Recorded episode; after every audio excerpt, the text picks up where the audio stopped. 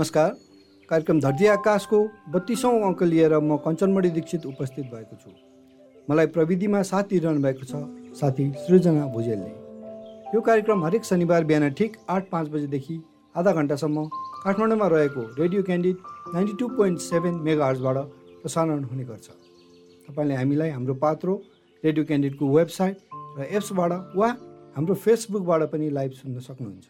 यो कार्यक्रम radio candid र सामाजिक र वातावरणीय परिवर्तन अध्ययन संस्था आइसेट नेपालको सहकार्यमा तयार भएको छ। धरती र आकाशभित्र पर्ने हावा पानी र समग्र वातावरणसँग सम्बन्धित विषयबारे जानकारी यस कार्यक्रम मार्फत दिने प्रयास तपाईँलाई गरेका छौँ। वातावरण जलवायु परिवर्तनसँग सम्बन्धित विषयलाई जो कोहीले पनि बुझ्न सक्ने सरल भाषामा प्रस्तुत गर्ने हाम्रो उद्देश्य हो। साथै विभिन्न क्षेत्रमा काम गर्ने व्यक्तिहरूको वातावरण र जलवायु परिवर्तन सम्बन्धी धारणा र उहाँहरूको कामको अनुभव बुझ्ने प्रयास यस कार्यक्रम मार्फत हामी गर्नेछौँ। आज हामीसँग छलफलका लागि रामबहादुर राउत हुनुहुन्छ। उहाँ स्थानीय स्तरमा जलवायु परिवर्तन र विकासका कार्यक्रममा कार्यरत हुनुहुन्छ। उहाँले पाल्पा लगायत अन्य जिल्लाहरूमा पच्चिसभन्दा बढी लापा तयार गर्न संलग्न हुनुहुन्थ्यो। आउनुहोस् आज हामी उहाँसँग यी विषयहरूमा कुराकानी गरौँ। स्वागत छ तपाईँलाई कार्यक्रम धरती आकाशमा। धन्यवाद छ नमस्कार। सर तपाईँले स्थानीय स्तरमा बसेर यत्रो लामो समयदेखि जलवायु परिवर्तन विपद र अन्य विकासका कामहरूमा लाग्नुभएको छ र लापा नापा र कापाहरूमा पनि कुनै न कुनै रूपमा इन्भल्भ हुनुहुन्छ। यो सम्बन्धमा तपाईँको स्थानीय स्तरमा भएको इस्युलाई हेर्दाखेरि जलवायु परिवर्तनलाई कसरी लिनुभएको छ? धन्यवाद दीक्षित सर। खास गरेर हामीले जलवायु परिवर्तन भन्नाले खास गरेर पृथ्वीको उष्णीकरणका कारणबाट अथवा ग्लोबल वार्मिङका कारणबाट हाम्रो चाहिँ जल र वायुमा हुने परिवर्तनलाई हामीले जलवायु परिवर्तन भन्ने गर्छौँ। खास गरेर पृथ्वी विभिन्न कारणबाट खास गरेर हरित ग्यास उत्सर्जनका कारणबाट ओजन तहको क्षति हुने कुराले हाम्रो पृथ्वीमा उष्णीकरण भइरहेको छ यानि कि हाम्रो पृथ्वी तातिरहेको छ। पृथ्वी तातिरहेको कारणबाट हाम्रो हामीले प्रयोग गर्ने पानी र हामीले लिने गरेको वायुमा धेरै खालको परिवर्तन देखा परेको छ र त्यो परिवर्तन देखिँदाखेरि त्यसका असरहरू र त्यसका प्रभावहरू देखिरहेका छन् र त्यसका सकारात्मक नकारात्मक दुवै खालका प्रभावहरू चाहिँ हामीले अहिले फेस गरिरहेका छौँ भोगिरहेका छौँ। त्यसबाट विभिन्न खालका प्राकृतिक प्रकोपहरू समेत उत्पन्न भइरहेका छन्। जसलाई हामीले जलवायु परिवर्तनका प्रभाव र असरको असरको हो कुरो हो भनेर भन्न सक्छौँ। र हामीले जलवायु परिवर्तन भनेको सारमा बुझ्दा सारमा बुझ्दाखेरि ग्लोबल वार्मिङका कारणबाट जुन हाम्रो पिउने पानी या अनि दैनिक रूपमा प्रयोग गर्ने पानी र हरेक सेकेन्डमा लिने गरेको वायुमा आउने परिवर्तन नै जलवायु परिवर्तन हो। सारमा हामी यति नै बुझ्दा राम्रो हुन्छ। तपाईँको कार्यक्षेत्र प्रमुख गरी पाल्पा नै हो होइन? तपाईँ पाल्पाकै हुनुहुन्छ।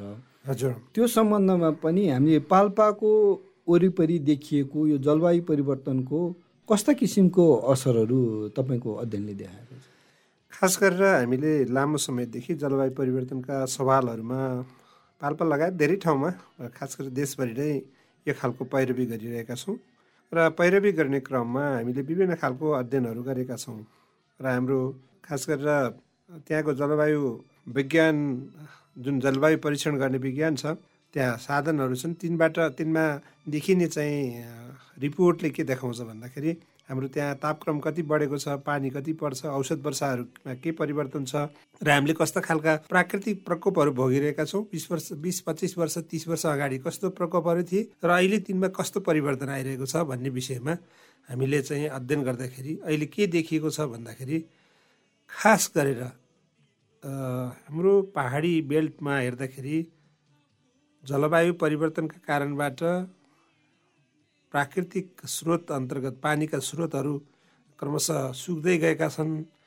विभिन्न खालका जोखिमहरू हामीले वहन गरिरहेका छौँ। बाढी पहिरो लगायतका चाहिँ प्राकृतिक प्रकोपहरूको भयावह स्थिति छ। त्यो खालको परिवर्तनहरू आइरहेको छ। अनि पानी पर्ने प्याटर्नमा चेन्ज भएको छ र पानी औसत वर्षमा पनि खास गरेर परिवर्तन देखिन्छ। जस्तै कहिलेकाहीँ चाहिँ सुक्खा हुने खडेरी पर्ने र कहिलेकाहीँ अत्याधिक वर्षा हुने यानि कि हाम्रो गाउँघरे भाषामा आरी घोप्टे वर्षा भन्छ एउटा भाँडोबाट पानी खनाए जस्तो गरिकन वर्षा हुने र धेरै खालको चाहिँ अनावृष्टि अतिवृष्टि र खण्डवृष्टिका चाहिँ भोगाइहरू अहिले जलवायु परिवर्तनको असरको रूपमा हामीले देखिरहेका छौँ र हाम्रो क्षेत्रमा डढेलो लाग्ने पहिरो जाने खडेरीका कारणबाट मतलब एरियाहरू ड्राउट बढी हुने र खण्डवृष्टि र अनावृष्टि हुने कुराहरू हामीले अहिले त्यहाँ भोगिरहेका कुराहरू हुन्। यही कुरालाई अगाडि बढाउँदाखेरि पाल्पा एउटा मध्य पहाडी क्षेत्रमा पर्छ होइन? हजुर। मध्य पहाडी क्षेत्रमा यति धेरै इस्यु छ तपाईँले भन्नुभएको त डडेलोको इस्यु छ बाढी पहिरो कहिले सुक्खा हुन्छ होइन? यति धेरै इस्यु हुँदा हुँदै पनि नेपाल सरकारको एजेन्डामा जहिले पनि हिमालयको हिउँ मात्र पर्छ। यसमा तपाईँको केही धारणा छ?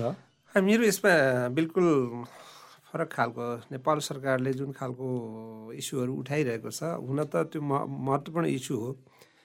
किन भन्दा हामीले हाम्रो उत्तरको चाँदी जस्तो हिउँ रहेन भने नेपालको पहिचान गुम्छ त्यो रहेन भने हाम्रा पानीका स्रोतहरू जान्छन्। त्यो रहेन भने वास्तवमा प्रकृतिमा ठुलो असन्तुलन उत्पन्न हुन्छ। त्यस कारणले सबैभन्दा ठुलो इस्युको रूपमा राष्ट्रले यो कुरा उठाउनु स्वाभाविक कुरा हो। तर यो महत्त्वपूर्ण सवालसित सँगै मध्य पहाडका तराईका सवालहरू पनि जोडिनु जरुरी छ तिनलाई पनि उठाउनु जरुरी छ। तराईका चाहिँ सवालहरू पहाडका सवालहरू पनि उठाएर त्यसलाई सम्बोधन गर्नुपर्छ। जस्तै अब पहाडमा यो खालको इस्युहरू देखिन्छ कि जस्तै एकदमै धेरै ठुलो पहिरोहरू जाने धेरै चाहिँ सुक्खाका कारणबाट अन्नबाली उत्पादनमा कमी आउने त्यस्तै अतिवृष्टिका कारणबाट ठुला ठुला पहिरोहरू जाने र कतिपय ठाउँमा धेरै खडेरीका कारणबाट डडेलोहरू चाहिँ लाग्ने ठुलो ठुलो वन जङ्गलहरू नोक्सान हुने मानवीय तथा आर्थिक भौतिक क्षतिहरू हुने यस्तो इस्युहरू चाहिँ पनि सम्बोधन गर्न जरुरी छ। त्यसको साथै जलवायु परिवर्तनका कारणबाट पहाडी बेल्टमा मात्रै होइन सबैतिर हाम्रो चाहिँ रैथाने बालीहरू हराइसकेका छन्। अब ती बाली बिरुवाहरू रहेको पनि तिनले उत्पादन दिन छाडिसकेका छन्। र विभिन्न खालका रोगहरू पनि जस्तै लेकतिर लामखुट्टेहरू व्यापक मात्रामा वृद्धि भइरहेका छन्। यस्ता खालका रोगहरू सर्ने कुराहरू महामारी आउने कुराहरू समेत चाहिँ हामीले भोगिरहेका छौँ। त्यसलाई चाहिँ वास्तवमा नेपाल सरकारले सम्बोधन गर्नु जरुरी छ। त्यसलाई ती खालका चाहिँ समस्याहरूलाई समाधान गर्ने गरी अथवा ती खालका समस्यालाई फेस गर्ने गरी हामीले चाहिँ एउटा प्रतिकार योजना वा एडप्टेसन प्लान पनि अथवा अनुकूलन योजना बनाउनु जरुरी छ। त्यतातर्फ नेपाल सरकारको अहिले ध्यान पुगिरहेको देख्दिनँ मैले। मात्रै चाहिँ एउटा हिमालको इस्युलाई मात्रै उठाएर वर्ल्ड वाइड रूपमा आफ्नो नेपालको ध्यान आकर्षण गर्न खोजेको देखिन्छ। त्योसित सँगै चाहिँ सामाजिक सवालहरू मध्य पहाड तराईका चाहिँ डुबानका कुराहरूदेखि लिएर जो चाहिँ स्थानीय तहमा जनताले भोगिरहेका छन् ती सवाल पनि राज्यले उठाउनुपर्छ र सम्बोधन गर्नुपर्छ भन्ने मेरो धारणा छ। धेरै राम्रो कुरा गर्नुभयो सर। अब यसमा अनुकूलनका कुराहरू गर्नुभयो होइन जस्तो हामी धेरै अगाडि सुनिरहेछौँ लापाको कुरा आइरहेछ कापाको छ। यो लापा र कापा के हो भनेर हाम्रो श्रोतालाई बताइदिनुहुन्छ? खास गरेर अब यो चाहिँ एडप्टेसन प्लान अथवा अनुकूलन योजनासँग जोडिएको कुरा हो। राष्ट्रिय तहको चाहिँ अनुकूलन योजनालाई हामीले नापा भनेर भन्यौँ। र गाउँ विकास समिति तत्कालीन अवस्थामा स्थानीय तह भनेको गाउँ विकास समिति थियो। गाउँ विकास समितिको लेभलको प्लानलाई हामीले चाहिँ लापा भन्यौँ लोकल लेभलको एडप्टेसन प्लान भन्यौँ। र समुदाय स्तरको एडप्टेसन प्लानलाई हामीले कापा भन्यौँ। र यसरी चाहिँ यो नापा लापा र कापा वास्तवमा समुदायलाई जलवायु परिवर्तनसँग अनुकूलन हुँदै आफूलाई त्यहाँ सर्भाइभ गर्नका लागि बनाइने योजना हुने नि। यो योजना कतिपय ठाउँमा बनाइएको छ तर ती अहिले कार्यान्वयनको अवस्थामा छैनन्। अहिले चाहिँ बनाएर कागजमा थन्काइएको छ नापा पनि त्यत्तिकै थन्किएको छ। का के अरे लापाहरू अहिले व्यवहारिसिए र कापाहरू त कानुनी रूपमा पनि अथवा वैधानिकता प्राप्त गर्न नसकेर थन्किरहेको अवस्था देख्छु मैले। भन्नुपर्दाखेरि यसो हेर्नु न अहिले त डाडु पन्यौ सबै हाम्रो स्थानीय सरकारसँगै छ। होइन पूर्ण रूपमा अधिकार छ। हजुर। भनेपछि यस्तो सम्बन्ध परिवर्तन भइसकेपछि पनि हाम्रो त्यो का लापाहरूलाई स्थानीय स्तरमा यो अनुकूलनको योजनाहरू कार्यान्वयन गराउन स्थानीय सरकारमा के अप्ठ्यारो छ त अहिले? खास गरेर सङ्घीय संरचनापछि हामी गाउँ विकास समितिबाट गाउँपालिका नगरपालिकालाई त एजिटिज राखेका छौँ तर पनि त्यहाँ पुनर्संरचनामा धेरै भूगोलको परिवर्तन भएको छ। हिजोका गाविसहरू हराएका छन्। हिजोका गाविसहरू आज वडामा रूपान्तरण भएका छन्। हिजो गाविस लेभलमा बनाइएका चाहिँ लापाहरू हिजो जो गाउँ विकास समितिमा भएको राजनीतिक संयन्त्र थियो त्यसलाई कार्यान्वयन गर्ने प्रतिबद्धता जनाएको थियो। त्यस पछाडि जुन सङ्घीय संरचना अन्तर्गत गाउँपालिका बन्यो र गाउँपालिकामा चाहिँ जननिर्वाचित निकाय आइपुग्यो र त्यो जननिर्वाचित निकायलाई हिजोको पोलिटिकल संयन्त्र र त्यहाँको कर्मचारी मित्रले हाम्रो चाहिँ गाउँ विकास समितिमा अथवा हाम्रो वडामा हाम्रो चाहिँ जलवायु परिवर्तन अनुकूलन योजना यसरी बनेको छ। जलवायु परिवर्तन भनेको यो हो यस्ता खालका समस्याहरू सिर्जना भएका छन्। र यिनलाई चाहिँ हामीले यसरी चाहिँ अनुकूलन हुने गरी जनतालाई सुविधा दिने गरी ती खालका अप्ठ्याराबाट जनतालाई चाहिँ बचाउने गरी हामीले यस्तो योजना बनाएका छौँ। यसलाई कार्यान्वयन गर्नुपर्छ भनेर हिजो यी खालका लापाहरू हस्तान्तरण नगरिएको अवस्था हो। त्यस कारणले जननिर्वाचित निकाय चाहिँ बेखबर छ।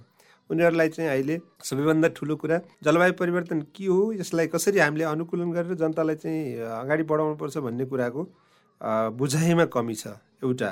दोस्रो कुरा के छ भन्दाखेरि काम त्यस्तै गरिरहेका छन्। गाउँपालिकाले बिउ बाँड्छ स्थानीय तहमा बिरुवाहरू वितरण गरिरहेको छ मूल संरक्षण गर्छ पहिरो नियन्त्रणका लागि योजना बनाउँछ। तर यसलाई चाहिँ हाम्रो एडप्टेसन प्लान अन्तर्गत जोडेर यो हामीले मैले जे गरिरहेको छु यो चाहिँ वास्तवमा अथवा यो सरकारले जे गरिरहेको छ यो जलवायु परिवर्तनको अनुकूलनका लागि गरिएको छ। जनतालाई चाहिँ जलवायु परिवर्तनको असरबाट कम गराएर उनीहरूलाई चाहिँ अनुकूल अनुकूलनमा लगेर उनीहरूलाई सर्भाइभ गर्नका लागि मैले यो काम गरिरहेको छु भन्ने बुझाइको अभाव छ त्यहाँ बुझाइ छैन।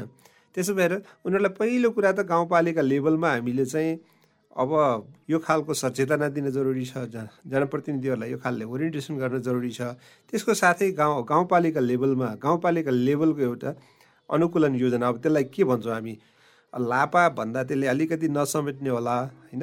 अथवा नापा त नेसनल लेभलको भयो हामीले अथवा त्यो केही त्यस्तो योजना बनाउनुपर्छ जसले सिङ्गो गाउँपालिकालाई चाहिँ एउटा सम्बोधन गर्न सकोस्। त्यो खालको योजना बनाउन जरुरी छ। त्यो खालको योजनाको फर्मेट बनाउन जरुरी छ। तपाईँ हामी जस्तो विकासे अभियानमा लागेका साथीहरूले एउटा पैरवी गर्न जरुरी छ र यी हिजो बनेका जुन लापाहरू छन् तिनलाई चाहिँ अलिकति हामीले ध्यान दिन जरुरी छ। त्यो विषयमा ध्यान आकर्षण गराउन जरुरी छ र ती कुराहरूलाई स्ट्यान्डर्डाइज गर्न जरुरी छ। यति कुरा गर्न सक्यौँ भने हामीले हिजो बनाएका लापाहरूले फेरि काम पाउनेछन् त्यसअनुसार गाउँमा कामहरू हुनेछन् जनताहरूले जलवायु परिवर्तनको असरबाट आफूलाई अनुकूलन गरेर अगाडि बढ्नेछन् त्यहाँ भएका प्राकृतिक प्रकोपहरू महामारीहरू विभिन्न खालका विभिन्न विपत्तिहरूलाई उनीहरूले सामना गर्नेछन्। उत्पादकत्व घटिरहेको छ। तिनलाई बढाउने चाहिँ बारे सोच्नेछन् र आफूलाई अनुकूलन बनाएर लानेछन् भन्ने मलाई लाग्छ है। धेरै राम्रो कुरा गर्नुभयो सरले। अब होइन हामी लापाको चाहिँ नि पालिका स्तरमा अहिले इन्हान्स लापा फ्रेमवर्क भनेर पनि छ होइन। उहाँले जल जलधारको पर्सपेक्टिभबाट बनाउनु भएको छ। त्यो कुरा गर्दै जाँदाखेरि हामी अब समुदाय स्तरमा बनेको अनुकूलनको जो कार्यक्रमहरू छ यति धेरै बने यति धेरै धनराशि खर्च भयो। तर तिनीहरूले वैधानिकता पाउन सकेको छैन। होइन यसमा तपाईँको विचारमा यसलाई किन यसले चाहिँ नि हामी ओझेलमा पार्यौँ खास गरेर यो यो खास नेपालमा जे आउँछ त्यसलाई तुरुन्तै एडप्ट गरिहाल्ने र त्यसलाई लोकलाइजेसन नगर्ने लिएर अनुकूलन जस्तो बनाउने प्रयोग गरिहाल्ने र त्यसलाई आफ्नो फ्रेममा नडाल्ने चाहिँ चलन छ।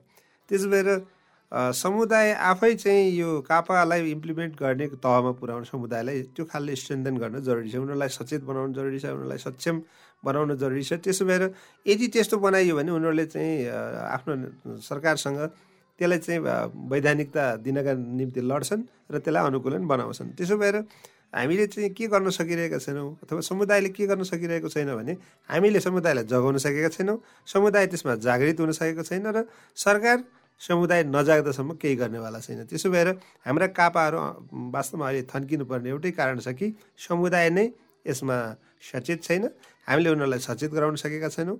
सरकार त्यसमा जिम्मेवार छैन। यही हो मलाई त्यस्तो लाग्छ है। सर हेर्ने हो भने सन् दुई हजार एघारमा जोहेनेसबर्गमा भएको चाहिँ नि कन्फरेन्समा नेपालका सरकारी अधिकारीहरूले नै कम्युनिटी बेस्ड एडप्टेसन नै हाम्रो चाहिँ नि अगाडिको बाटो हो। यसलाई नै अगाडि लानुपर्छ भनेर लगेको थियो होइन। र अहिले हेर्दै जाँदाखेरि करिब बाह्र वर्षको अन्तरालमा त्यो त खासै प्रगति देखिएन होइन। भने अबको बाटो के होला? त्यसलाई कसरी अगाडि लानुपर्ने? वास्तवमा विकासका दुईवटा मोडेल हुन्छन्। एउटा विकासमा परिवर्तनमा एउटा माथिबाट तल जाँदाखेरि माथि परिवर्तन गरेपछि अथवा उपरि ढाँचामा परिवर्तन भएपछि आधार संरचनामा अटोमेटिक परिवर्तन हुन्छ। नीतिगत सुधार गरेपछि तल यत्तिकै सुधार हुन्छ भन्ने एक थरीको मान्यता छ। मार्क्सवादीहरू त्यसमा फरक मान्यता राख्छन्। मार्क्सवादी के भन्छन् भने आधार संरचनामा परिवर्तन नआइकन उपरि ढाँचामा परिवर्तन आउन्न भन्ने चाहिँ मार्क्सवादीहरूको धारणा छ। यानि कि विकासमा यो खालका दुईवटा धारणाहरू छन्। अब अहिले भइरहेको अवस्था के हो भन्दाखेरि हामीले आधार संरचनामा परिवर्तन नगरिकन उपरि ढाँचामा परिवर्तन गर्दाखेरि तल चाहिँ वास्तवमा परिवर्तन आएको छैन। त्यसो भएर हामीले वास्तवमा समुदाय स्तरका कापाहरू इम्प्लिमेन्ट नगरिकन चाहिँ माथि लापा वा नापा बनाएर पनि खास चाहिँ परिवर्तन देखिन्न कागजमा देखिन्छ परिणाममा देखिन्न। यो चाहिँ हिजोको बुझाइ हो। त्यस कारणले हाम्रो अब अगाडिको बाटो ठ्याक्कै चाहिँ कापाको इम्प्लिमेन्टेसन हो भनेर हिजो त्यो प्रतिबद्धता जनाए जस्तो मलाई लाग्छ। हजुर। तर हिजो कुरा त्यस्तो गरियो। काम चाहिँ नापा बनाइयो त्यो एकातिर थन्काइयो लापा बनाइयो अर्कोतिर थन्काइयो र कापाहरू बने ती त झन् व्यवहारिसी नै भए। त्यसो भएर हिजो हामीले जे प्रतिबद्धता जनाएका छौँ जुन माध्यमबाट त प्रतिबद्धता जनाएर हामी अगाडि बढेका छौँ त्यो त्यो प्रतिबद्धताबाट हामी पछाडि हट्नु हुँदैन र हाम्रो चाहे त्यो सरकारी निकायबाट होस् वा गैर सरकारी निकायबाट होस् सङ्घ सरकार होस् वा स्थानीय सरकार सबैले पहिलो प्रायोरिटीका साथ अब कम्युनिटी लेभलका एडप्टेसन प्लानहरू बनाउनु जरुरी छ। कम्युनिटी लेभलका एडप्टेसन प्लानलाई लिगलाइज गर्नु जरुरी छ र तिनलाई इम्प्लिमेन्ट गरेर क्रमशः त्यसलाई आधार बनाएर हामीले लापा र त्यसलाई आधार बनाएर हामीले नापामा परिवर्तन गर्नुपर्छ त्यसलाई संशोधन गर्नुपर्छ र फरक ढङ्गले लिएर जानुपर्छ भन्ने मेरो मान्यता हो। कता कतै के पनि सुन्नमा आयो भन्दाखेरि कापा बनाउन जुन राशि धनराशि चाहिन्छ त्यो हामीसँग छैन। र धनराशि भए पहिला हामीले बनायो भने पनि त्यसलाई इम्प्लिमेन्ट गर्ने हामीसँग पैसा छैन भन्ने पनि सुनियो। यस्तो के तपाईँको ए पाल्पाको ए अथवा वरिपरि कामको क्षेत्रतिर सुनिएको छ? यो चाहिँ वास्तवमा हाम्रो विचार यानि कि गरिब विचार हो माग्ने विचार हो। यो माग्ने विचारले वास्तवमा यस्तै कुराको जन्म दिन्छ।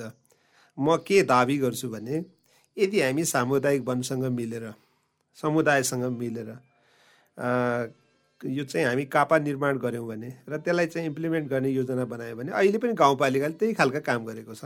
अहिले पनि गाउँपालिकाले स्रोतहरू करोडौँ करोड स्रोतहरू त्यसै गरी खर्च गरेको छ तर त्यो व्यवस्थित छैन।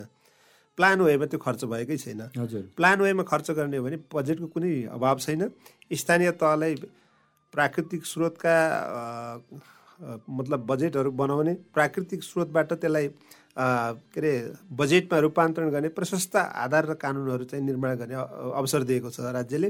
त्यसो भएर समुदाय स्तरमै त्यो खालका स्रोतहरू चाहिँ सङ्कलन गरेर मतलब त्यसलाई चाहिँ परिचालन गरेर हामीले बनाउन सक्छौँ कार्यान्वयन गर्न सक्छौँ। र म के दावा गर्छु भने नेपालका जति पनि सामुदायिक वनहरू छन् ती सामुदायिक वनलाई अथवा निजी वनहरू छन् ती निजी वनलाई वा सरकारी वनहरू छन् ती सरकारी वनलाई प्रयोग गरेर त्यहाँ भएको स्रोतलाई चाहिँ नि साधनमा रूपान्तरण गरेर यो कापालाई इम्प्लिमेन्ट गर्न सकिन्छ। त्यसका लागि कुनै देशको वा विदेशको कसैको स्रोत चाहिँ आवश्यक पर्दैन। हामीले स्थानीय स्रोत साधन प्रयोग गरेरै हामीले कापा कापालाई इम्प्लिमेन्ट गर्न सक्छौँ भन्ने मलाई लाग्छ। अब अलिकति हामी ऊर्जातर्फ लागौँ होइन। हजुर। यो जलवायु परिवर्तनको जुन कार्बन उत्सर्जनको कुराहरू छ यसमा तपाईँ धेरै अगाडिदेखि ज्याट्रोपाको कुरा उठाउनु भएको छ होइन। ज्याट्रोपा नेपालीमा सजीवन भन्छ। सजीवनले चाहिँ नि हाम्रो ऊर्जामा यदि हामीले रिप्लेस गर्न सक्यौँ भने हामी कम कार्बन उत्सर्जन गर्छौँ भनेर उठाउँदै आउनुभएको छ। र तपाईँको विद्यावारधि पनि कुनै न कुनै किसिमबाट यो सोसल चेन्जमै छ। हजुर। भनेपछि अब यो अगाडि नबढेको हो कि तपाईँले यसलाई कसरी हेरिरहनु भएको छ? केही वर्ष अगाडि इतिहासमा भन्नुपर्छ अब एकजना केशव कार्की भन्ने पालपाली भाइले वास्तवमा सजीवनको दाना पेलेर तेल निकाल्यो। त्यो तेलबाट गाडी चल्यो चल्यो भनेर उसले चाहिँ घोषणा गर्यो। अ, त्यसलाई अध्ययन गर्दाखेरि विश्वमै के देखिएको रहेछ भने वनस्पति यानि कि बायोडिजलबाट अथवा बायो डिजलबाट गाडीहरू चल्न सक्छ भन्ने कुरा हिजो सुरुमै गाडीको इन्जिन विकास गर्दै रुडल्फ डिजलले चाहिँ त्यो खालको विकास गर्नुभएको रहेछ बदामको तेलबाट गाडी चलाउनु भएको रहेछ। त्यो हेरिसके पछाडि त्यसको स्टडी गर्दै जाँदा सजीवनको तेलबाट अरू पनि जति पनि वनस्पति छन् ती वनस्पतिको तेलबाट हामीले गाडी चलाउन सकिन्छ यानि कि डिजेलको काम गराउन सकिन्छ भन्ने कुरा अध्ययनबाट देखियो। देखिसकेपछि हामीले त्यसलाई नेसनल वाइड हामीले मुद्दाको रूपमा उठायौँ। नेसनल वाइड रूपमा मुद्दा उठाउँदाखेरि हामीले के देख्यौँ भने मतलब बायोडिजल र अहिलेको चाहिँ जुन खनिज डिजल छ यसलाई मिक्स गरेर मतलब दस प्रतिशत मात्रै ब्लेन्डिङ गरेर चाहिँ प्रयोग गर्दा पनि कार्बन उत्सर्जनमा सत्तरी प्रतिशत प्रतिशत घट्दो रहेछ सत्तरी प्रतिशत कार्बन मोनोअक्साइडमा उत्पा मा- मोनोअक्साइडको उत्पादनमा कमी आउँदो रहेछ। त्यो भनेको जलवायु परिवर्तनमा त्यसले ठुलो चाहिँ सहयोग पुर्याउँछ यानि कि जलवायु अनुकूलन बनाउनका निम्ति जलवायु परिवर्तनलाई रोक्नका निम्ति प रोकिने कुरा होइन घटाउनका निम्ति टाइम फ्रेमलाई घटाउनको निम्ति यसले ठुलो योगदान गर्छ। जसका कारणबाट हरित ग्यास जुन उत्सर्जन भइरहेको छ। त्यसलाई कम गर्न पनि ठुलो मद्दत पुग्छ भनेर हामीले धेरै तथ्य तथ्याङ्कसहित त्यसलाई ठुलो अध्ययनका साथ हामीले नेपाल सरकारसँग हामी छलफल गऱ्यौँ। नेपाल सरकारले एउटा रणनीतिक नीति रणनीति बनाउनका निम्ति एउटा टिम पनि निर्माण गर्यो त्यो टिममा म पनि थिएँ। हामीले एउटा रणनीति पनि बनायौँ। त्यो रणनीति बनाइसके पछाडि त्यसलाई कार्यान्वयन गर्न नेपाल सरकार तत्कालीन सरकारले त्यसलाई पास गर्नु पर्थ्यो र अगाडि बढ्नु पर्थ्यो तर त्यो चाहिँ त्यत्तिकै थन्कियो। थन्किसकेपछि यो मुद्दा चाहिँ ओझेलमा पर्यो र आज हराइरहेको छ। सर अब हामी अन्तिम अन्तिमतिर लायौँ है। समयले पनि साथ दिएन। त्यो हिसाबले अबको दिनमा कार्बन उत्सर्जनको कुरा आयो जलवायु परिवर्तनको न्यूनीकरण कुरा आयो हामी यता लाभाको कुरा गर्दैछौँ उता कापा इम्प्लिमेन्टेसन कुरा गर्दैछौँ। भनेपछि हामीले सरकारले जानुपर्ने बाटो के हो? हामी सिभिल सोसाइटीले जानुपर्ने बाटो के हो? यसमा सरकारले नीति नियम बनाएर जानुपर्छ र स्रोत साधनलाई व्यवस्थापन गर्नका लागि नीतिले निर्धारण गरेर जानुपर्छ र हामी सामाजिक अभियन्ताहरू सामाजिक कार्यकर्ताहरू गैर सरकारी संस्थाहरूले यसलाई चाहिँ मोबिलाइजेसन गरेर जानुपर्छ। सचेतनाको पार्ट गैर सरकारी संस्थाहरू हामी जस्तो सामाजिक कर्मीहरूले गर्ने हो र त्यसलाई चाहिँ इम्प्लिमेन्ट गर्ने पार्ट चाहिँ राज्यले गर्ने हो भन्ने चाहिँ मलाई यसमा प्रश्न छु म। त्यो त्यसरी नै जानुपर्छ। त्यसो गरेर जाँदाखेरि यी जति पनि थाँतिरहेका विषयहरू छन् तिनलाई हामीले अगाडि बढाउन सक्छौँ। हस् त आज तपाईँको यति अमूल्य टाइम दिएर हामी स्टुडियोमा आएर श्रोताहरूलाई जलवायु परिवर्तन सम्बन्धी र तपाईँले आफूले गरेको कामको सिकाइ हामीलाई चाहिँ नि साट साट दिनुभयो सेयर गर्नुभयो त्यसको लागि धेरै धेरै धन्यवाद। यो अवसर दिएकोमा तपाईँलाई पनि धेरै धन्यवाद दिन चाहन्छु यो रेडीलाई पनि धेरै धन्यवाद दिन चाहन्छु धन्यवाद। हस् त आजको कार्यक्रम तपाईँलाई कस्तो लाग्यो? हाम्रो email info at radio candid dot com वा हाम्रो फोन नम्बर चार दुई दुई दुई तिन आठ शून्यमा प्रतिक्रिया दिन नभुल्नुहोला आजलाई भने कार्यक्रम धरती आकाशबाट यहीँ विश्राम लिन्छु। प्रविधि संयोजक सृजनाजीलाई धन्यवाद। आगामी शनिबार फेरि भेट हुनेछ। वातावरण संरक्षण गर्न आजैबाट एक पाइला अघि बढौँ। तबसम्म म कञ्चनमणि दीक्षित पनि बिदा भएँ। नमस्कार।